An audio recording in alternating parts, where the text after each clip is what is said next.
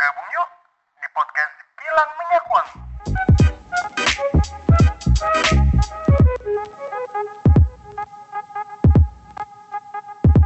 Oke semuanya, selamat datang kembali di podcast kita, podcast Kilang Minyak Wangi. Beberapa hari yang lalu ada berita yang cukup mengejutkan sih sebenarnya. Ini eh, sangat menyedihkan ya. Jadi kejadiannya tuh di USA atau tepatnya di Houston ya, di Houston, Texas. Itu ada seorang pria berumur 46 tahun bernama George Floyd yang dia seorang African American yang terlibat kekerasan oleh beberapa orang officer yang akhirnya berujung pada uh, hilangnya nyawa pria tersebut yang bernama George Floyd ini. Nah, hal kayak gini kan menimbulkan suatu pertanyaan ya. Sebenarnya apakah emang apa ya rasisme di luar itu benar-benar separah itu gitu? bagi gue yang orang awam kan gue belum pernah tinggal di luar nih ya kan? Nah berhubung gue nggak pernah tinggal di luar dan nggak pernah menyaksikan hal-hal seperti tadi gitu. Jadi hari ini gue mengundang dua orang temen gue dua orang tamu spesial. Ada satu cowok dan satu cewek yang cowok ini dia punya pengalaman magang jadi koboi kayaknya di Texas langsung Jadi aja masak. kita sambut Pak tepuk tangan dong. Oke oke oke.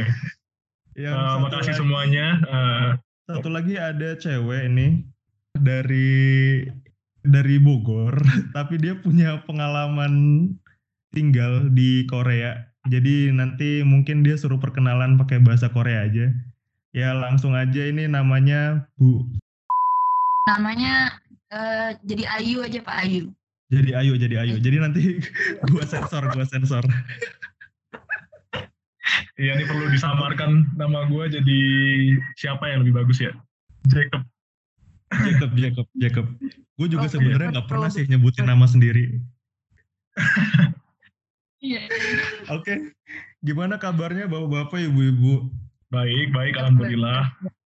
Kita tadi balik ke mana ya? Kan kemarin kita udah sempat bahas nih eh terkait sama rasisme di US kemarin ya. Itu sebenarnya eh, realitanya tuh kayak gimana sih yang pernah lu berdua rasain di Korea ataupun di US gitu? Karena kebetulan kalau nggak salah nih ya, Jacob nah, si Hmm. George Floyd ini kalau nggak salah aslinya dari Houston, Texas gitu loh. Iya nggak sih? Eh, gue justru malah kurang update ya. Sorry. Sepertinya Iya iya. kan, iya karena kebetulan lo kan tinggal di daerah yang sama. Lo berapa lama sih dulu di US? Eh, jadi ceritanya gue stay di US sekitar empat tahun ya buat eh, buat S1 di Texas. Lebih tepatnya di Lubbock sih, West Texas gitu. Kalau lo yuk berapa lama yuk di Korea? Aku di Korea dua setengah tahun. Oh karena lo ngambil program master ya? Iya, program awalnya tuh magang, terus lanjut kuliah master. Jadi setengah tahun magang, dua tahun master, dua setengah tahun. Tapi karena Korea kecil, jadinya ya dua setengah tahun udah cukup banget sih di Korea itu. Tuh ini internetnya mulai ngaco deh. Eh ini si Ayu kita suruh ngomong bahasa Korea dulu lah biar orang-orang pada percaya. Iya paling nggak annyeonghaseyo gitu kan. Hmm. Coba lu ngomong pakai bahasa Korea coba. Apa ini perkenalan ya? Iya perkenalan aja yang basic-basic aja. basic-basic ya. aduh, aduh. Ya udah nih. 안녕하세요. 저는 27살 아유입니다. 반갑습니다. 잘 부탁드립니다. 아, Gue Artinya cuma apa? ngerti anjong doang anjir. Seriusan gue juga. Gue bahkan gak denger ada ke- nama aslinya di situ. Saking butanya gue. Perlu nonton drama Korea lebih sering kayaknya. 아유 kan 아유입니다. 아유. Hmm. Nah, lu berdua coba ceritain deh masing-masing dimulai dari Jacob dulu ya. Oke, sorry, sorry. Jangan pakai? Jacob dong, crunch banget nama gue anjir. Ya, gue si ganti Leo aja Leo Leo. Leo, Leo. Eh Jacob susah nama panggilannya masa Jack, Jack, Leo. Yo, kurang keren juga sih Leo, anjir. Apaan dong? gue juga bingung. Nama Dani Dani. Dani, Dani. Dani ya, Dani boleh lah. Ini kan jadi ya. gimana Dan? Pengalaman Oke, lo eh, selama Oke gimana? Bisa diulangin? Sorry. pengalaman lo selama di US 4 tahun itu eh, apakah emang diskriminasi atau hal-hal yang berbau itu emang ada gitu. Terus pengalaman lo selama di sana tuh yang unik-unik mungkin yang terkait dengan hal ini tuh apa gitu.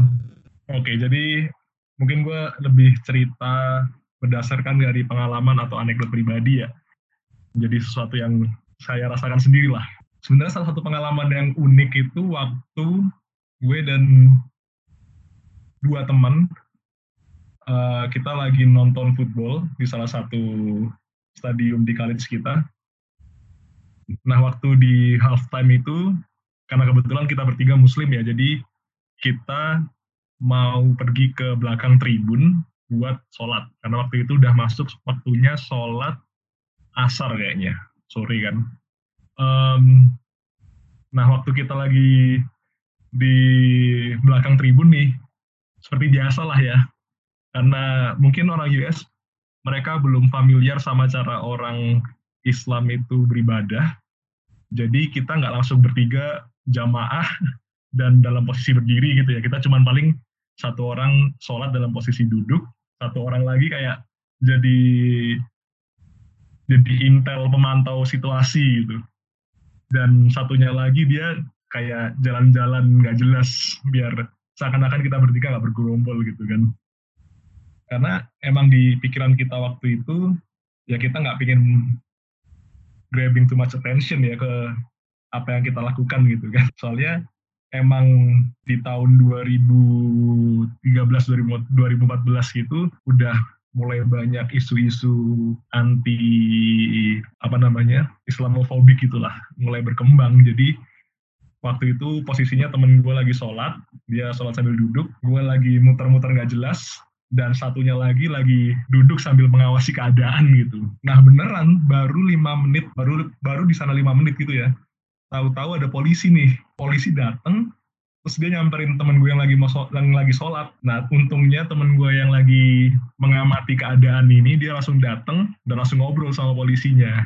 Dan gue sebagai gue sebagai orang yang mondar mandir karena ngelihat didatengin polisi gitu kan ya mohon maaf aja nih. Kita datengin polisi di Indo aja udah pada panik sendiri kan apalagi datengin polisi bule bos. Jadi akhirnya gue cuman berdiri di samping temen gue sambil ngeliatin doang gitu kan. Nah ternyata polisinya ini dia concern karena dia denger beberapa input dari warga sekitar yang lihat kita lagi sholat lagi diem aja di situ dan dia ngerasa khawatir gitu. Makanya dia datang nanya kita ini lagi ngapain? gitu. Karena dia menganggap kita kayak membuat kekhawatiran warga sekitar gitu. Nah yang di pikiran gue itu itu sesuatu yang lucu gitu loh walaupun memang mereka belum familiar sama kita beribadah tapi it's a football game. Banyak orang mabuk banyak orang yang berisik lari-lari nggak jelas gitu. Loh tapi justru malah kita yang datengin, didatengin sama polisi.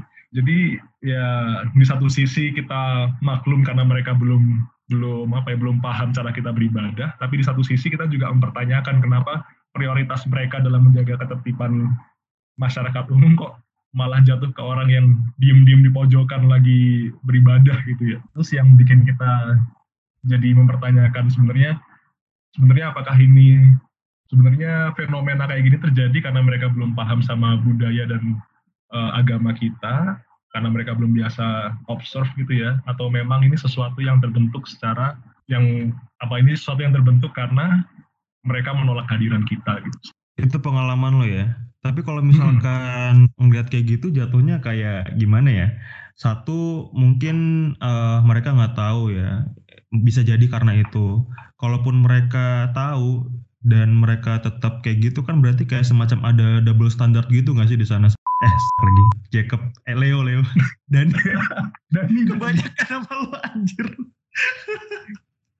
ya jadi uh, apa ya ya menurutku itu sebuah double standard double standard gitu ya. Jadi di satu sisi keadaan stadium kan rame dan banyak orang yang juga apa ya berisik. Mereka banyak yang mabuk. Di sana mabuknya kan sampai yang namanya kursi buat bangku tribun penonton aja diangkatin gitu. Udah kayak persebaya lawan Viking gitu kan. Tapi justru kita yang di situ lagi mojok memisahkan diri karena kita pengen beribadah malah kita yang disamperin gitu kan tapi ada juga di satu sisi pengalaman di tahun dua tahun berikutnya ya. Waktu itu awal-awalnya si Donald Trump kepilih jadi presiden karena bener-bener rame isunya Islamofobik masjid kita pernah dilemparin pakai batu sampai kacanya pecah. Tapi untungnya waktu itu polisi mau kooperasi dan bahkan polisi di situ uh, mau standby di depan masjid waktu kita ibadah sholat Jumat buat memastikan kalau misalnya nggak ada orang eh, orang-orang yang mengancam keselamatan orang yang beribadah gitu. Jadi mungkin maksudnya nggak semua polisi kayak gitu, tapi ada beberapa polisi yang memang uh, belum familiar dengan kita gitu. Oh berarti pemahaman kayak gitu nggak merata ke semua orang ya? Maksudnya nggak semua orang tuh sangat resisten terhadap sesuatu yang baru gitu kan. Ada ada juga yang me, apa ya menerima kayak gitu. Berarti ada ya sak ya? Mm -mm, betul. Jadi emang secara umum ya, mungkin kalau misalnya kita sebagai orang Indonesia mikir uh, orang US itu sangat well educated dan mereka juga sangat karena mereka wealthy nation ya, semua orang itu sangat wealthy educated, mereka sangat open minded dan mereka uh, istilahnya lebih terbuka terhadap budaya-budaya yang heterogen gitu. Tapi kenyataannya nggak terlalu nggak seperti itu juga gitu. Semuanya itu bergantung dari di mana mereka tinggal dan tingkat pendidikan mereka dan tingkat pendidikan dia sendiri juga belum merata gitu. Jadi ada satu case di mana gue di mana gue pernah naik bis uh, naik bis itu selama 24 jam dari Texas ke Missouri. 24 jam gue naik bis di pikiran gue ya di Indonesia naik bis kalau misalnya dia udah ada AC-nya terus reclining seat itu udah bis eksekutif gitu dong udah mantep lah udah paling kelas paling atas gitu cuman kalau di US ketika lu naik bis itu berarti lu udah orang paling susah men. Dan gue gak paham gitu waktu itu. Jadi bener-bener kerasa waktu gue berangkat karena itu masih college town ya jadi naik bis itu masih oke-oke lah. Masih orang-orang pada umumnya anak-anak kampus. Begitu nyampe di kota-kota kecil lainnya dan masuk ke downtown area mulai ada orang lain yang masuk gitu kan. Gue tiap kali ngobrol dapatnya orang aneh-aneh men. Mulai dari orang-orang yang dia cerita oh gue baru keluar dari penjara hari ini terus gue lagi nyari kerja gitu ada orang yang dia ya gue kabur dari rumah karena gue nggak pingin masuk ke SMA di dekat rumah gue gitu di situ gue mulai tersadar kalau misalnya oh memang karena gue terbiasa berkumpul sama orang-orang yang orang-orang kampus atau orang-orang dengan pendidikan yang lebih tinggi, maka kelihatannya orang-orang di situ kelihatan open minded semua. Gitu. Tapi begitu gue masuk ke area-area yang lebih, you know, lebih rural area ya, kelihatan kalau misalnya ternyata orang-orang di US itu ya ada juga yang masih punya pikiran negatif ke orang Asia atau orang Islam masih kelihatan adanya knowledge gap di situ. Oh berarti tolong koreksi gue kalau gue salah ya. Gue sebagai orang awam kan yang gue tahu kalau ngomongin Amerika nih ya kan, ngomongin US itu kan selalu yang dibahas yang di apa ya jargon-jargonnya, kampanyenya kan uh, living an American dreams ya gitu kan. Kayak wah Amerika tuh sesuatu yang wah orangnya kebanyakan tajir-tajir terus hidupnya bermewah-mewahan, terus semuanya well educated, semuanya serba mudah lah. Tapi ternyata dengan lo cerita kayak gini tuh banyak sisi yang belum pernah orang tahu ya, terutama ya kayak orang-orang kayak gue yang nggak pernah tinggal lama di sana gitu. Iya, betul banget sih sebenarnya. Uh, ini maksudnya bukan gue menjelek-jelekan menjelek-jelekan Amerika ya, cuman uh, sebenarnya apa yang kita lihat atau kita konsumsi di TV itu kan hanya menggambarkan sisi yang baik dari Amerika lah, sisi yang pingin kita tiru gitu. Sama kalau misalnya kita lihat sinetron gitu, kenapa pemeran di sinetron rumahnya udah kayak artis, kayak maksudnya kenapa pemeran di sinetron rumahnya udah kayak uh, pengusaha kelapa sawit yang sawitnya udah 3000 hektar gitu ya. Ya karena itu tadi sebenarnya uh, gap di US itu wealth inequality-nya sangat besar ya. Jadi mereka tuh benar-benar representasi dari Pareto diagram gitu. 20% orang US itu mereka memiliki resource 8 sorry 20% eh, orang US ini memiliki 80% resource dari Amerika gitu. Jadi 80 persennya itu sisanya aja gitu. Nah, di karena ada gap yang sebesar itu dan kita belum pernah merasakan juga ya. Sorry, tapi buset. Nah, jadi uh, wealth inequality itu yang belum pernah dilihat sama warga Indonesia atau belum pernah kita ketahui lah ya. Jadi gue juga mau ngomong dikit nih tentang kenapa orang-orang mikir, kenapa orang, uh, eh, gue juga mau menyampaikan dikit tentang systemic racism gitu. Oke, sebelum kita lanjut ke inequality gap atau nanti kita mungkin juga bahas lebih dalam tentang systemic racism yang lo udah sempat mention barusan, kita mau dengar cerita dulu dari Mbak Ayu.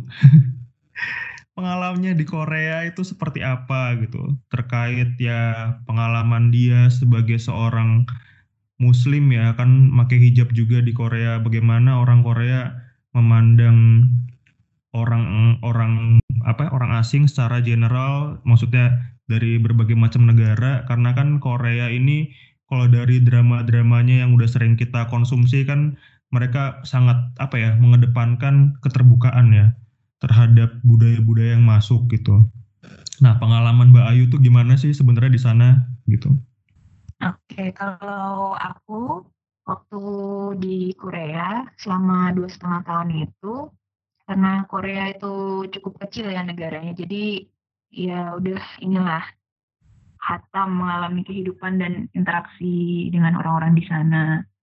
Jadi kalau pengalamanku sih sebenarnya orang Korea itu kan sangat homogen ya, beda banget sama US yang super heterogen. heterogen. Jadi saking homogen itu mereka sampai asing dan takut melihat uh, orang lain yang penampilannya berbeda dari uh, penampilan mereka gitu. Dan terus uh, anggapannya di masyarakat di Korea itu uh, kepada orang-orang asing, ya apalagi yang asalnya dari Afrika, uh, Asia Selatan, terus daerah Timur Tengah, itu mereka yang asalnya dari sana adalah yang sering membawa penyakit. Nah ini terutama orang-orang yang sering berpikiran kayak gini itu orang-orang dari generasi yang lebih tua di Korea sana. Nah stigma inilah yang menjadikan mereka bertindak lebih kayak apa ya defensif gitu loh ke orang-orang asing. Tapi semenjak tahun mungkin 2000-an itu, 2000-an awal itu kan Korea sudah mulai apa ya berkembang pesat uh, dari segi ekonomi dan teknologi.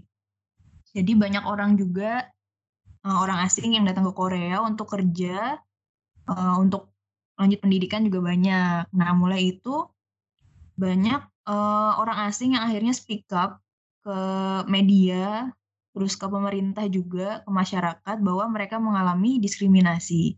Nah, tapi bagusnya Korea itu, uh, aku sukanya juga karena mereka itu sangat apa ya menanggapi apa yang uh, terjadi di society mereka gitu. Jadi langsung pemerintahnya langsung ambil survei untuk orang-orang asing dan uh, hasilnya itu satu dari lima orang asing itu pernah mengalami diskriminasi di sana. Jadi 20% dari orang asing yang pernah ke Korea itu mengalami diskriminasi.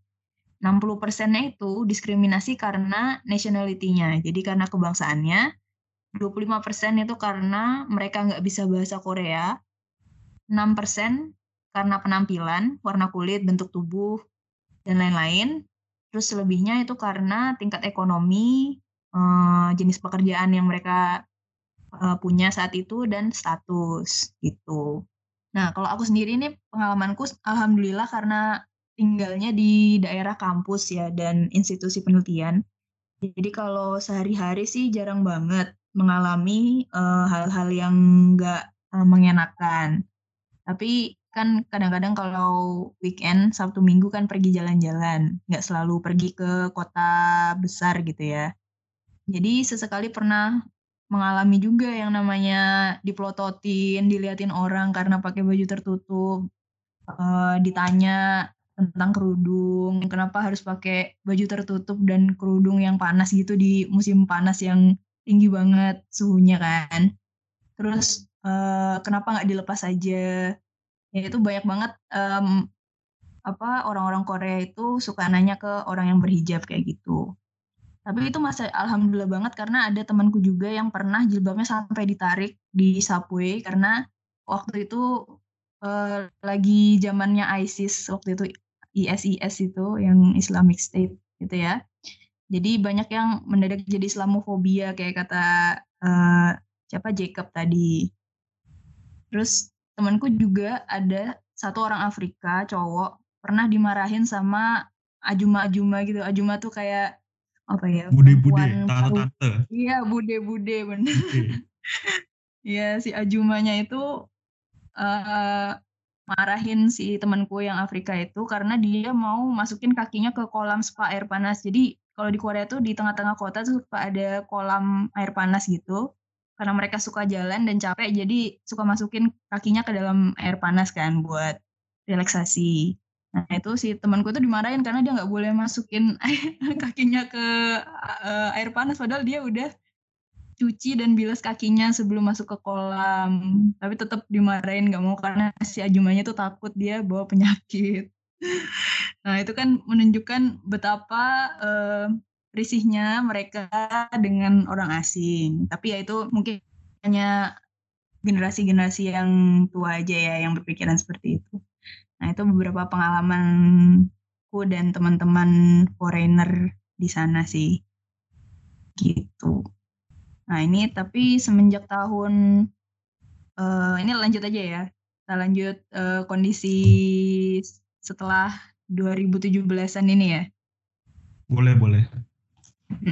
Nah, semenjak tahun yaitu 2017-an itu uh, di Korea ini ada yang namanya Ka Ingon Wiwonhwe. Jadi kalau di bahasa Indonesia ini namanya ya sekitar kayak Komnas HAM gitu loh. Komnas HAM-nya sih udah lama adanya. Cuman semenjak 2017-an ini mereka mau memperjuangkan adanya hukum untuk diskriminasi ras. Nah ini sampai sekarang sih setauku memang belum ditetapkan hukumnya. Cuman kampanyenya tuh udah lumayan gencar gitu. Salah satunya kalau uh, tadi eh, siapa Yusuf bilang kalau ada teman-teman yang nonton drama Itaewon Class si pemeran Kim Tony itu kan ada uh, dari perannya tuh sedikit pesan tersembunyi juga tentang diskriminasi ras dan, dan uh, bahasa. Terus uh, ada juga satu program lagi yang bagus banget. Ini uh, yang membuka pemikiran orang-orang Korea tentang orang asing. Namanya programnya Bijong-sang Hedam atau kalau di bahasa Inggrisin uh, namanya Abnormal Summit. Nah ini isinya tuh jadi ada beberapa orang asing duduk di satu meja bareng konferensi gitu bahas satu topik tapi pakai bahasa Korea. Jadi mereka pada jago-jago gitu. Nah ini program yang terkenal banget karena bisa membuka pikiran uh, orang-orang Korea tentang orang asing gitu. Nah sekarang ini sih kalau aku sendiri yakin udah jauh lebih baik dan lebih terbuka sih orang-orang Korea buat orang asing. Nyaman banget lah bisa kalau pergi ke sana itu.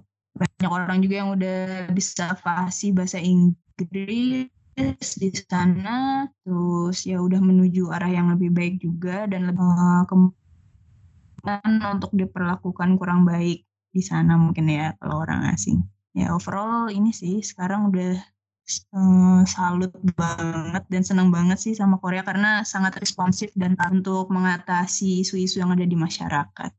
Paling itu sih kalau uh, dari Korea ya. Ya gue juga kebetulan suka banget sih nonton apa Itaewon Class gitu kan. Dan salah satunya yang sangat menarik di film itu mungkin ada dua hal yang dibahas ya kalau nggak salah yang diangkat topiknya. Yang pertama kan uh, tentang apa transgender itu hal biasa lah ya transgender. Cuma yang kedua ini tentang uh, ras yang apa ya mengalami semacam diskriminasi gitu. Kayak berusaha diangkat uh, ini loh kita Korea sebagai negara udah mau ada usaha untuk menyamaratakan pendatang-pendatang yang masuk ke Korea gitu kan. Nah itu kan dari segi bersosialisasi ya, yuk. Nah yang gue penasaran nih, uh, mungkin dari bersosialisasi udah dianggap uh, ya udahlah kita sama-sama manusia kan. Mungkin di sana dari segi hak-hak uh, secara hukum juga mungkin sudah mulai ada penyamaan gitu. Tapi kalau gue penasaran nih, sebelumnya kan si ah, gue sampai bingung nih manggilnya si Dani ini kan sempat bilang tadi ada semacam inequality gap gitu ya. Nah kalau di Korea sendiri untuk orang-orang luar itu sebenarnya untuk mencari kerjaan terus kayak kesenjangan kesejahteraannya itu sebenarnya sejauh apa sih kayak gitu? Nah kalau orang luar untuk cari kerja di Korea sebenarnya uh, punya kesempatan yang sama, cuman uh, ini balik lagi dari sisi ini ya dari sisi kondisi negaranya. Kondisi negaranya ini tuh penduduknya itu lebih banyak dari uh, lowongan lowongan kerjanya itu sendiri. Jadi sebagai pemerintah Korea ya udah pasti mereka mengutamakan penduduknya dulu lah ya yang bisa dapat kerja dibandingkan dengan orang asing. Cuman kalau misalnya posisi itu memang nggak bisa diisi oleh orang Korea ya terpaksa mereka harus hire orang asing. Dan itu hak-haknya kayak benefit terus ya gajinya itu juga harus sama dengan orang ya, Korea yang kerja di perusahaan itu. Untuk tingkatan waktu kerja yang sama gitu ya. Karena suamiku kan juga dapat kerja di sana. Nah itu dia bisa dapat posisi itu karena dia memang punya advantage bisa bahasa Indonesia dan uh, perusahaan itu memang butuh orang yang bisa bahasa Indonesia kan. Jadi ya lebih gampang lah ininya. Cuman kalau apa untuk foreigner untuk bisa dapat posisi yang biasanya diisi orang Korea ini agak susah karena pemerintahnya memang lebih ngutamain orang Korea gitu. Oke, jadi emang secara umum mereka akan mendapatkan hak-hak yang sama ya kayak warga lokalnya, warga Koreanya. Tapi kalau misalkan di sana ada nggak sih orang asing yang menetap cukup lama? Terus eh di sana ada ini nggak? Kayak semacam apa ya alih keluarga negaraan gitu terus mereka tinggal lama gitu. Ada nggak sih? Banyak nggak sekarang? Hmm, ada ada. Uh, namanya apa ya? Permanent residence ya kalau di US ya. Green card green card gitu ya. Ada ada. Di Korea tuh ada. Jadi uh, orang yang udah tinggal lama itu dia dapat poin gitu. Jadi untuk dapat permanent resident itu harus ngumpulin berapa poin. Misalnya dia tinggal 10 tahun di Korea itu dapat berapa poin. Terus bisa bahasa Korea dapat berapa poin. Nanti misalnya uh, poinnya itu udah mencapai dia bisa dapat itu kartu permanent residence itu. Gitu. Berarti orang-orang luar yang tinggal di Korea ini juga secara kehidupan dia hidupnya layak juga kan. Maksudnya nggak ada perbedaan yang signifikan gitu antara orang lokal sama yang pendatang-pendatang ini gitu. Iya betul. Cuma ya ya karena mereka juga sebagai orang Korea sendiri aja susah persaingannya ya. Jadi mereka juga cukup loyal sih dengan sesamanya. Jadi misalnya ada orang Korea yang susah ya pasti dibantu dibandingkan dengan orang foreigner gitu. Oke, kita balik lagi sebentar ke orang yang berbagai nama tadi. balik lagi ke Pak Dani, Pak. Dani, Pak. Dani. Iya, ya, Pak ya. Dani, Pak. Pak Yusuf. Nah, betul, Pak. Gimana, Pak? Iya, Pak. Kan Bapak tadi bilang ada inequality gap ya. Atau kesenjangan di antara orang-orang yang hidup di lingkungan tersebut ya di USA. Bisa diceritain nggak sih bentuknya itu seperti apa, terus apakah yang menyebabkan hal tersebut? Terus tadi juga Bapak sempat nyebut systemic racism gitu kan. Itu gimana sih sebenarnya systemic racism di USA gitu? Oke, ini uh, kurang lebih dari observasi gue aja ya selama di sana. Jadi kalau inequality di sana kan sebenarnya besar banget ya. Jadi 20% orang dengan penghasilan teratas itu menguasai sekitar 50% resource di Amerika gitu. Awalnya gue masih belum bisa bayangin itu kayak gimana sih perasaan waktu setahun awal di Amerika dan tinggal di area kampus itu semuanya ya hidupnya standarnya jauh lebih baik daripada di Indonesia gitu kan. Uh, tapi suatu waktu gue sama teman-teman gue uh, backpacking ke LA gitu. Nah kita ke sana itu naik naik mobil ceritanya kan, tapi waktu di LA-nya kita juga jalan-jalan di area downtown dan di situlah baru yang namanya kerasa seberapa besar kesenjangannya ya. Jadi di area dekat downtown LA itu ada kayak tent city gitu. Mungkin kalau misalnya uh, pernah lihat tent city itu modelnya kayak tenda-tenda, tenda-tenda kemah gitu, tenda-tenda kemah. Banyak banget, mungkin ada puluhan bahkan ratusan ya di sepanjang jalan dan isinya itu emang bener-bener orang homeless gitu tapi yang bikin benar-benar mencolok ya di area-area situ ternyata sangat dekat sama area-area gedung-gedung perkantoran gitu. Jadi kalau misalnya kita lihat series-series di US nih yang uh, ngeliatin Manhattan atau New York atau LA in general kan kelihatannya bagus banget ya. Cuman di kantong-kantong kotanya itu ada beberapa kayak pusat-pusat slum gitulah tempat orang-orang homeless yang emang mereka nggak punya rumah mereka nggak punya eh, nggak uh, punya source of income dan mereka harus stay di situ gitu. Benar-benar mengais dari sampah. Nah di situ baru kelihatan kalau sebenarnya uh, standar hidup di US ini juga sangat berbeda dari bayangan kita ya. Kalau misalnya buat buat contoh aja nih. Kita mikir kalau misalnya dalam setahun kita punya penghasilan taruhlah 40 ribu dolar gitu dan di Indonesia kan itu udah udah kaya banget ya 40 ribu dolar kan berarti berapa? Sekitar 600 juta setahun gitu. Tapi kalau di US itu bener-bener itu basic income banget karena untuk afford a house atau satu apartemen aja lu bakalan bayar sekitar 500 sampai 800 dolar sebulannya. Yang mana itu berarti sekitar hampir 10 ribu dolar setahun kan. Jadi kayak seperempat duit lu cuma buat bayar apartemen, belum lagi yang namanya harus bayar asuransi, harus bayar ya biaya groceries makan dan lain-lain, biaya sekolah anak gitu kan. Jadi emang secara income mereka jauh lebih besar daripada Indonesia, tapi uh, basic needs mereka itu juga jauh lebih mahal gitu. Nah, kalau yang tadi berhubungan sama systemic racism dan juga George Floyd, kenapa sih event uh, istilahnya pembunuhan George Floyd itu benar-benar menjadi event yang sangat besar di US ya? Itu juga berakarnya dari perasaan orang kalau misalnya polisi ini sangat brutal gitu terhadap orang kulit hitam di US. Nah, ini agak susah sih jelasinnya secara statistik. Tapi kurang lebih seperti ini ya biar biar gampang aku ceritain dulu.